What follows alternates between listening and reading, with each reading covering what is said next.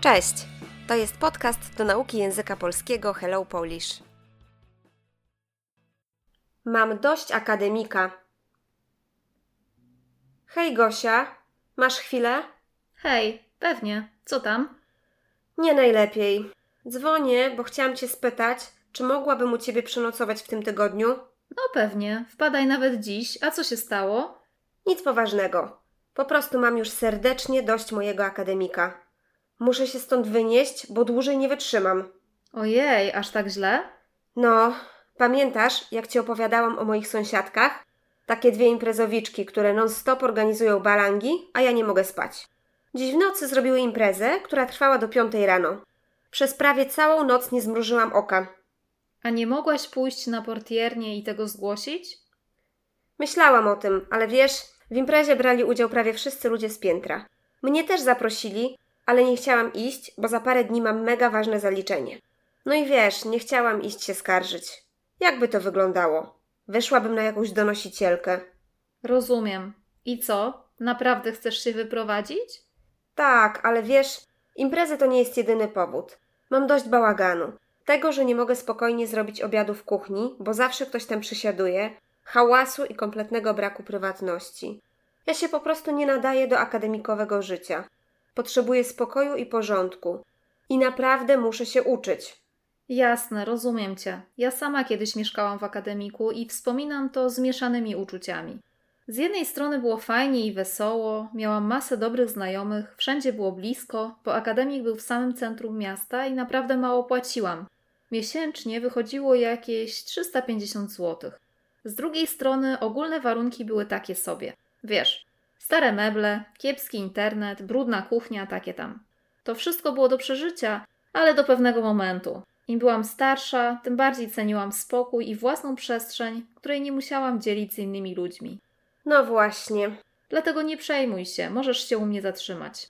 Dzięki, to tylko na parę dni. Mam nadzieję, że szybko znajdę jakiś pokój w mieszkaniu studenckim ze spokojnymi ludźmi. Na pewno. Jest teraz dużo ogłoszeń. Pomóc ci z przeprowadzką? Masz pewnie dużo rzeczy. Nie, dzięki. Poproszę kolegę, który ma samochód. O której mogłabym u ciebie być? Będę w domu po 18. Super, dzięki wielkie. To do zobaczenia. Nie ma sprawy, będę czekać. Słownictwo. Nocować, przenocować. Spać, spędzić noc. Mieć serdecznie dość. Nie móc czegoś dłużej znieść, tolerować. Wynosić się, wynieść się stąd. Potocznie wyjechać stąd, zostawić to miejsce. Wytrzymywać, wytrzymać. Znosić, tolerować. Imprezowiczka. Dziewczyna, która lubi się bawić, lubi imprezy. Męska forma to imprezowicz. Balanga. Potocznie głośna impreza. Nie zmrużyć oka. Nie móc spać, nie zasnąć. Portiernia. Miejsce w budynku, gdzie pracuje portier lub ochroniarz. Zgłaszać, zgłosić. Tutaj poinformować o czymś, na przykład o awarii, Brać, wziąć udział w. uczestniczyć. Mega. Potocznie, bardzo, ogromnie. Skarżyć się na. Narzekać na coś. Mówić, że coś jest złe. Donosicielka. Kobieta, która donosi, to znaczy informuje, że ktoś robi coś złego, niewłaściwego.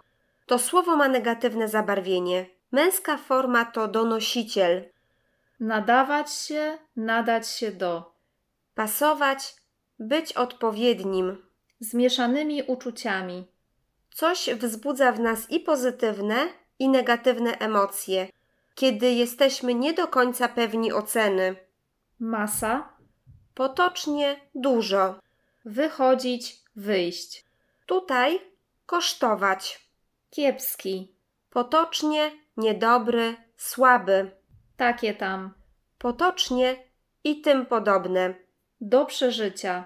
Do zniesienia, do zaakceptowania, Przejmować się, przejąć się. martwić się czymś, być smutnym, zaniepokojonym z jakiegoś powodu. Przeprowadzka. Zmiana mieszkania, domu. Nie ma sprawy. To żaden problem. Może być.